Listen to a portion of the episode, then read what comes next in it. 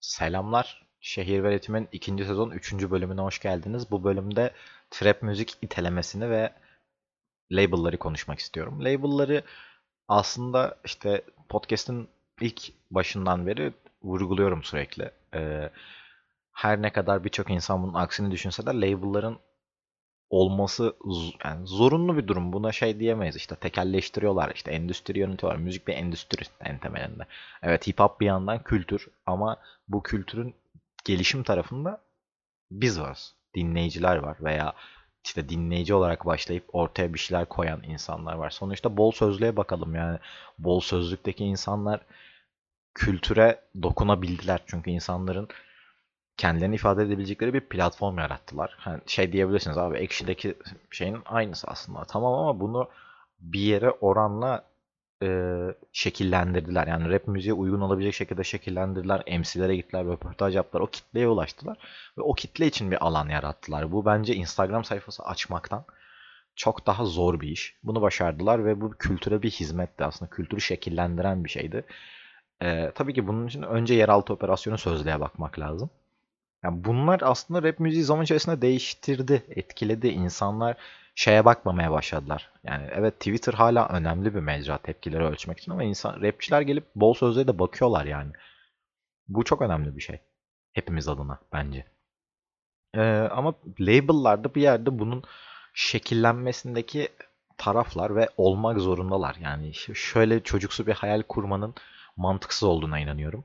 Bütün rapçiler sosyalist olsun, bütün rapçiler halkın tarafında olsun, kimse parayı düşünmesin. Bu çok mantıksız ve günümüz gerçekliğinden oldukça kopuk bir durum zaten. Müzik satılabilen bir şeydir ve evet sanat olduğu için yapılır aslında ama bu sanatın bir de para getirisi vardır. Yani tabii ki e, bunu sadece para için yapan insanlar da var. Yoksa yani Elanur Bela işte veya şarkının ismi her neyse e, bunu yapmanın ben başka bir tarafını görmüyorum. Biz bu şarkı yaparken çok eğlendik falan gibi bir açıklama görebileceğim hiçbir zaman inanmıyorum. Ee, bana label konusunu düşündürten aslında bu oldu. Biliyorsunuz bu e, Elanur'a bu şarkıda yardım eden arkadaş, e, kişi, rapçi. Şu an Base modda bir parça çıkacak Anıl Piyancı ile beraber ve bu bana şeyi e, düşündürttü. Yani Türkçe rap adına en büyük label'lardan birisi aslında. Yani Basemod ve Hip Hop Life bence bugün parçanı yayınladığında senin e, sen bir statüye ulaşıyorsun. En azından dinleyici gözünde. Yani ben aslında şöyle oluyorum. Basemod'dan bir şey çıkarken wow Basemod diye açıyorum. Yani bugün Baneva'nın aslında Basemod'da çalışabiliyor olması Baneva için çok güzel bir şey. Ee, bizim için de aslında bir gösterge değil mi? Hip Hop Life'la Basemod'la çalışmak. Ama Basemod bence işin çok fazla business tarafına odaklandığı için yani aslında biraz bu kültürdeki ağırlığının bence Basemod farkında değil. Ee, onlar için galiba yıl hala 2014 falan. Yani 2014'te işte Hip Hop Life Pro'ların falan zamanında e, label şeydi sadece. Rap müziği işte e, raflara götürmek için bir şeydi. Ama şu an label'lar gerçekten yaptıkları şeylerle ve inat ettikleri şeylerle aslında yapmaya inat ettikleri şeylerle müziği değiştirebilecek durumlar. Kültüre etki edebilecek durumdalar. Bunun farkında değiller bence. Bu label konusunda iki örneğim var. Birincisi Basemod, ikincisi Hip Hop Life. Ee, işte PMC gibi label olarak başlayıp sonra crew olan, işte tayfa olanlar da var. Onlardan da biraz bahsedeceğim. Ama şey daha önemli bence benim adıma. Ya base mod gerçekten elindeki gücün bence farkında değil. Ee, ne ifade ettiğinin de bence kültür adına farkında değil. Yani çünkü bilmiyorum Twitter'da da ifade ettim. Ben aynı anda yani hem işte CV'nde şey olacak. Bir Twitch'çi kıza böyle bir şarkı yapacaksın. Şarkı her tarafından tamamıyla satılabilir bir ürün olma amacında. Bu amacı taşıyor sadece. Ee, ve kara bir leke aslında. Yani CV'nde hem bu varken hem de Türkiye'nin en büyük label'ıyla çalıştığın zaman e, sen de eleştirilirsin yaptığın işten dolayı, CV'ndeki kötülükten dolayı. Hem de şu olur ben label'a karşı şey sorusunu sorarım abi. E, siz bir kendinizin kendinizden farkında değilsiniz. Aynaya bakmıyorsunuz herhalde. Bu birinci eleştirim olur. İkinci eleştirim de şu olur. Yani bu kadar mı para? Yani hakikaten bu kadar mı para? Dedim ya okey müzik satılabilir bir şey. Ama bir noktada da şey olması lazım. Base modun bunu sürdürülebilir hale getirmesi lazım. Yani çünkü sürekli aynı üretim yapıyorsun. Sen gelip işte o adamlarla çalışıyorsun. Sürekli aynı formda. Base mod sürekli aynı formda üretim yapıyor. Buna da değineceğim. Sürekli aynı formda üretim yapıyorsun ve Ee, sonra yarın bir gün rap müzikten insanlar sıkıldığında bir suç, yani bir numaralı suçlarından biri sen olacaksın. Ee, şimdi şey gelin bir bakalım şey isterseniz. Rap müzik neden Türkiye'de patladı? Aslında rap müzik direkt patlamadı. Şu oldu. Ee, insanlar pop'tan çok sıkılmışlardı. 2011-12 gibi sıkılmaya başlamışlardı. Ve ilk gittikleri yer neresiydi? Üçüncü yeniler denen rock, yani bağımsız rock tayfasıydı. İşte yok öyle kararlı şeyler. Yüz yüzeyken konuşuruz. Büyük ev ablukada gibi isimlerdi. İlk önce insanlar oraya yöneldi. Gençler arasında o popüler oldu. Bunu unutuyoruz bize. Nasıldı? E, fakat onlar neden? Daha doğrusu şu oradan geleyim. Yani neden onlardan da sıkıldı insanlar? Çünkü onlar yolun çok başında tekrara düşmeye başladılar. Sürekli aynı bohemlik, işte aynı edebi üslup hepsi mantar gibi çoğaldı. Ve insanlar oradan çok çabuk sıkıldılar çünkü çok yığılındı o tarafa. İşte o dönemde de mesela bunun bir numaralı örneği olarak da Bantmegi, Bantmeg ya da herkes başka şekilde okuyor onu. Ee, orayı söyleyebilirim. Orası çok büyük e, bir ittirme e, trendine başladı bu müziği. Ve insanlar bir yerde okey dediler yani. E, bugün işte Kadıköy kafasındaki insanlar teknoya meknoya yöneldiler böyle. Daha garip kafalara yöneldiler. Daha doğrusu öyle ifade edeyim. Ama ana akım mainstream kitle tam o sıra işte e, Müptezel'in falan çıkışıyla rap müziğe geldi. Biz buradaki yani bunu kesinlikle Ezel'in başarısını e, gölgelemek için söylemiyorum. Öyle bir şeyim de olamaz zaten. Bir önceki podcast'ta falan çok bahsettim çünkü. Bu bir başarıdır. E, ve yani Müptezel kaliteli bir albümdür. Ama bu noktayı hep kaçırdığımıza inanıyorum. E, bir yandan da insanların gidecek bir yeri kalmamıştı. O yüzden geldiler. Ama bugün Base Mod'un yaptığı içeriklere bir bakın. Gerçekten bir farklılık yok yani bunlarda.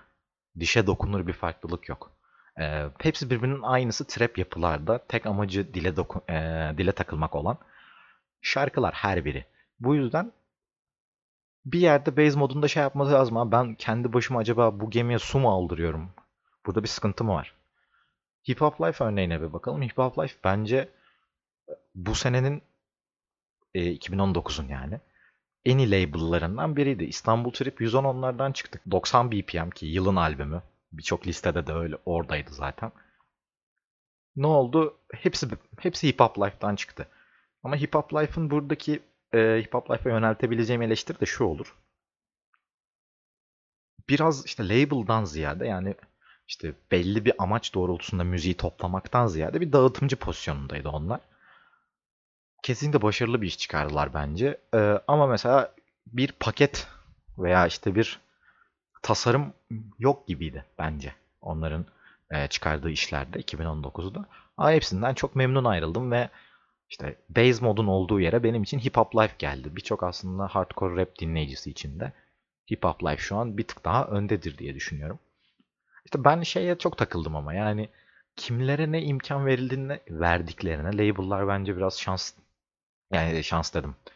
Ee, dikkat etmiyorlar buna. Yani ben kime ne yaptım acaba? Kime ne imkan veriyorum ve bu beni nasıl etkileyecek? Ee, iş hayatı biraz da böyle değil mi? Yani e, adamın CV'si çok kötüyse sana çok iyi bir şey getirmesi lazım ki yayınlanan teaser'da o kadar wow bir dakika. İşte günahları var ama bu çocuğu affedebilir miyiz? Bir, şey değildi.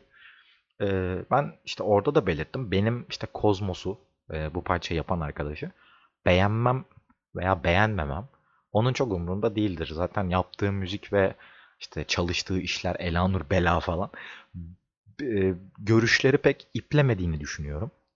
E, ya benim adıma ben gerçekten bu arkadaşı şey olarak görmüyorum artık. Benim için bir nevi prestij kaybı yaşatan bir şey. Kimle çalışırsa benim için prestij kaybı. Anıl Piyancı prestij kaybı. Çok umurunda değildir. Umurunda da olmasın zaten. işte o. Ama böyle. Ee, ve base modunda bu noktada biraz kafayı şey yapması lazım. Toplaması lazım. Ben kimlere ne imkanlar sağlıyorum acaba her şey yani şeyi düşünmesi lazım toplarsam eğer. Bu satıyor ama işte ben bunu sürekli satarsam piyasa ne hale gelecek? Ee, bu ara şeyden de bahsetmek isterdim ya. Ee, bu Instagram sayfalarının böyle sürekli bir şeylere etiket atması.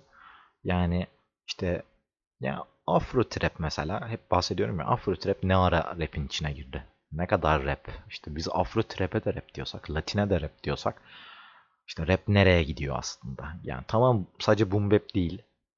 Ee, ama bir yerde de şey var. Ee, işte Demet Akalın'ın yaptığı veya işte Hande Yener'in yaptığı şeyle veya yapmış bir zamanlar yapmış olduğu şeyle Latin veya Afro'nun nasıl bir farkı var? Bu eleştiri bağlamında sormuyorum bunu gerçekten. Ee, ben böyle adam akıllı bir kaynağa erişemiyorum bu konuda. Nedir, ne değildir? Ee, ben mi yanlış eksik biliyorum yoksa ben mi yanlış görüyorum? Düşündüğüm şeyler bunlar. Yani ulan nasıl oluyor? Ama sonra Instagram sayfalarına bakıyorum. Bunu açıklamadan böyle insanlara işte rap kafatasçısı falan demek. İşte tamam hip hop faşizmine ben de karşıyım ama bu hip hop faşizmi değil. İnsanlar tam olarak 3-4 tane iç içe geçmiş şeyin işte rap müziğin içerisine eklemlenme çabasına tepki gösteriyorlar. Ki bu arada Afro veya Latin'in bu kültüre eklemlenme çabası çok daha business bir sebepten, kültür bir sebepten değil. Yani ne nasıl nasıl bir sebep bu? Ee, Afro ve Latin mainstream piyasada çok çok kolay daha gidebilecek bir şey. Çok daha ee, az emek gerektiren bir şey nispeten trap'e veya işte boom bap'e oranla. E, bu yüzden rapçiler de bunu normalleştirmeye çalışıyorlar ve Instagram sayfaları da buna alkış tutuyor. Bu alkış tutma hali bana Chomsky'nin bir çok ünlü sözünü hatırlatıyor. Ne o söz? Bana bir ordu ve biraz fazla para verin. Ben de 30 yılda nüfusun birçoğuna 2 artı 2'nin 5 olduğuna inandırayım diye bir sözü var Chomsky'nin. Direkt bu ya bence. Direkt bu yani. Hani e, ben birçoğunun evet tabii içlerinde buna cevap verebilecek olanlar elbet vardır. Ama işte afro nedir abi? Bana afronun bir genel taslağını anlatır mısın dediğimde ortaya bir şey çıkaramayacaklarına çok eminim ama can hıraş savunuyorlar. E, ve vurucu olabildikleri tek nokta şey. E, işte bir design, işte tasarım, e, özür dilerim.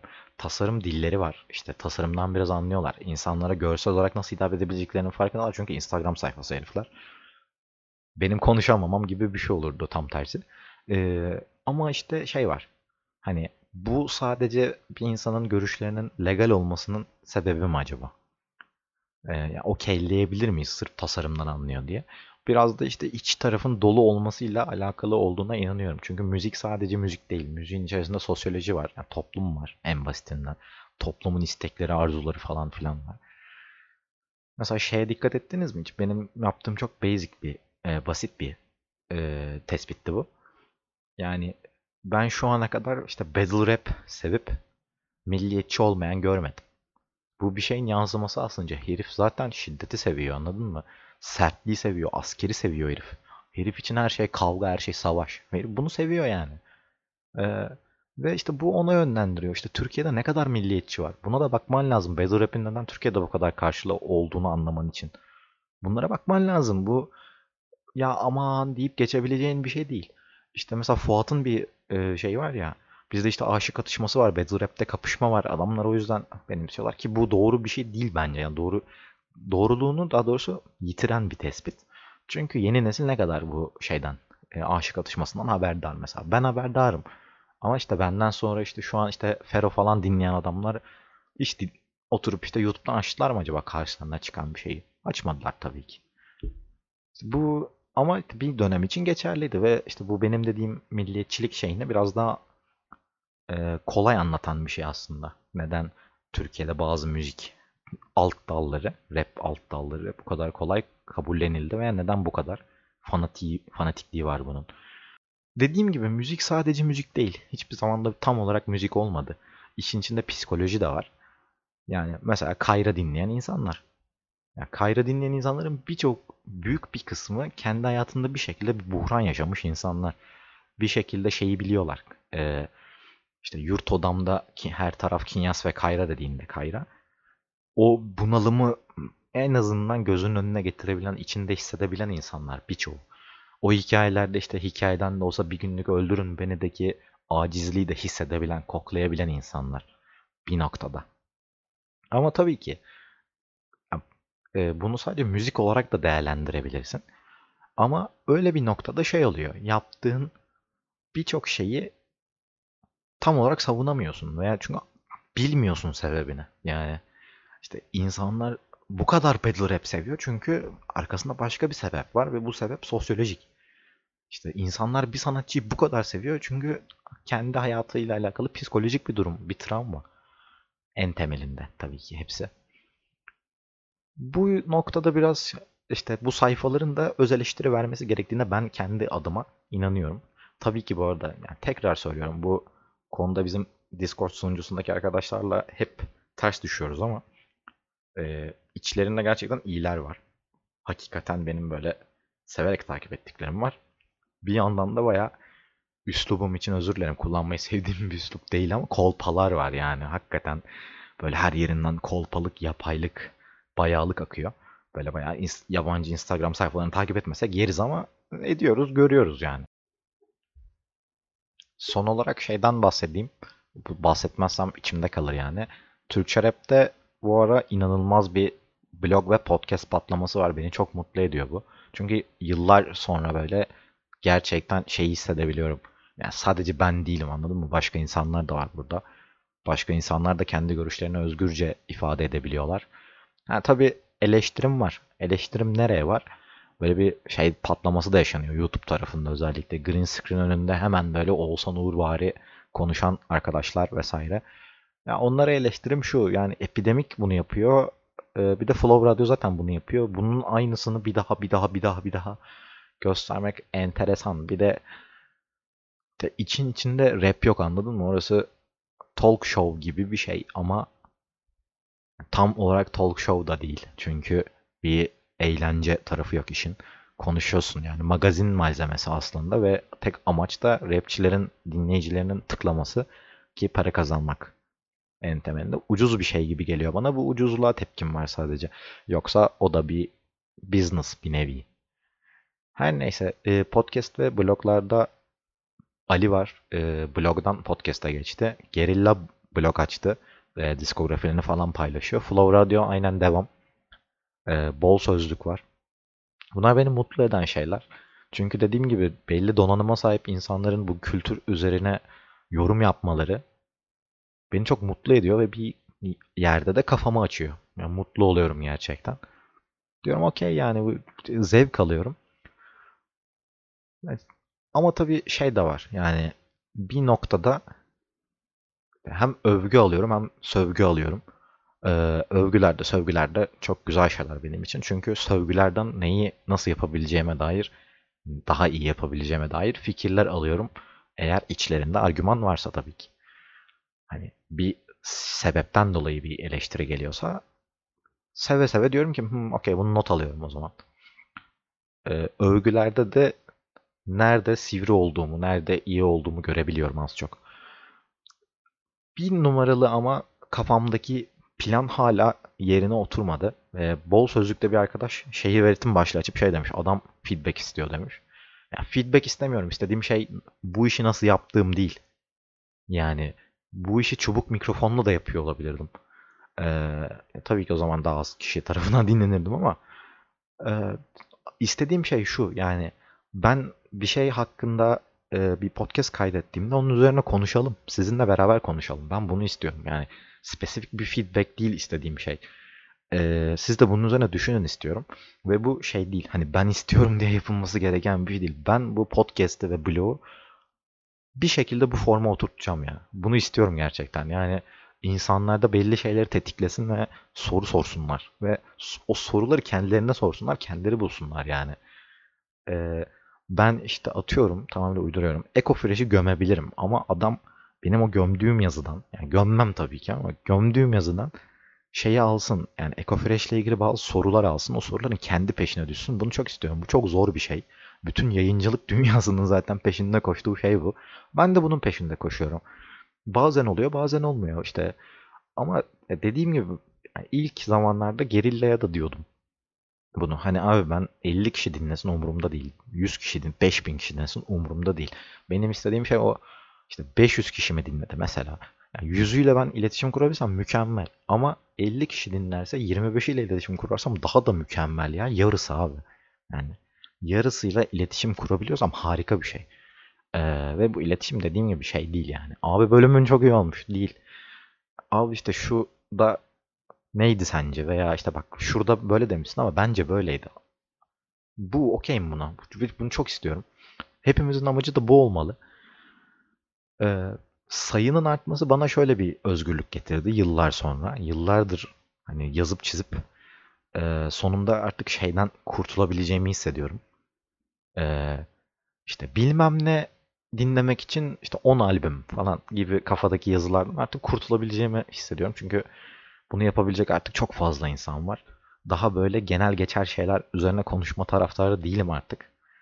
E, blogda bununla alakalı bir yazı yazmıştım zaten. Biraz daha o tarafta uzaklaşacağım.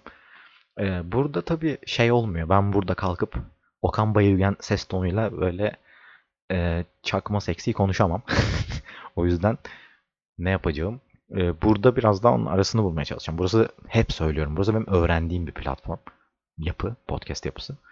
Ama şey olacağım ya gerçekten. E, bu tarafta biraz daha işte bugün ne konuştuk? Mesela label konuştuk, sosyoloji konuştuk. Konuştuk yani. Bu tarafta biraz daha öğrenmem gereken şeyler var. Yapan arkadaşların yani podcast'te özellikle bu kadar eğilimin olması beni çok mutlu ediyor. Çünkü e, yapan daha fazla insan olduğunda ben de şey oluyorum. "Hmm, Şunu şunu yapmışlar veya şuna özenmişler, şunun üzerinde durmuşlar. Oluyorum. E, hepsi benim için çok değerli. Konuştuklarım, konuşmadıklarım, birebir iletişimde olduklarım, olmadıklarım. Beni nasıl gördükleri önemli değil. Benim hakkımda ne düşündükleri de önemli değil. Benim adıma önemli olan tek şey şunun farkında olmaları. Biz burada Türkçe rap'in geç kalmış fikirsel gelişimini sağlamaya çalışıyoruz her birimiz. Birbirimizden hoşlansak da hoşlanmasak da. Hepimiz bunun belli ölçülerde farkında olmalıyız. Buna inanıyorum. Ee, söyleyeceklerim bu kadar. Belli şeyleri, lafları kurmak istemiyorum. Ee, o yüzden burada bitirme taraftarıyım. Bir sonraki bölümde görüşmek üzere. Kendinize çok dikkat edin. Rap'le kalın efendim.